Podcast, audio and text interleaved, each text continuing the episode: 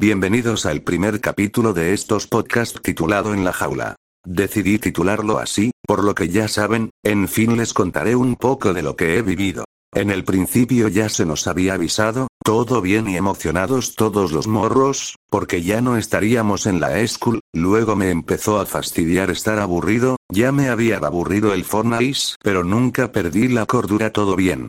Las clases no eran clases simplemente trabajos que nos enviaban cada mes y se evaluaban al fin de este.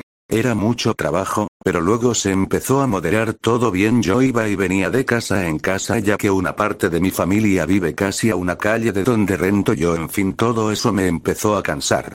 Nosotros los domingos íbamos a la iglesia así que empezaron a transmitir por YouTube todo bien no hay nada más que contar, solo una parte de lo aburrido que suena la cuarentena los amo bye si te gustó el podcast, recuerda que es el primero podré mejorar y empezaré a dedicarle más a esto fin. El humano.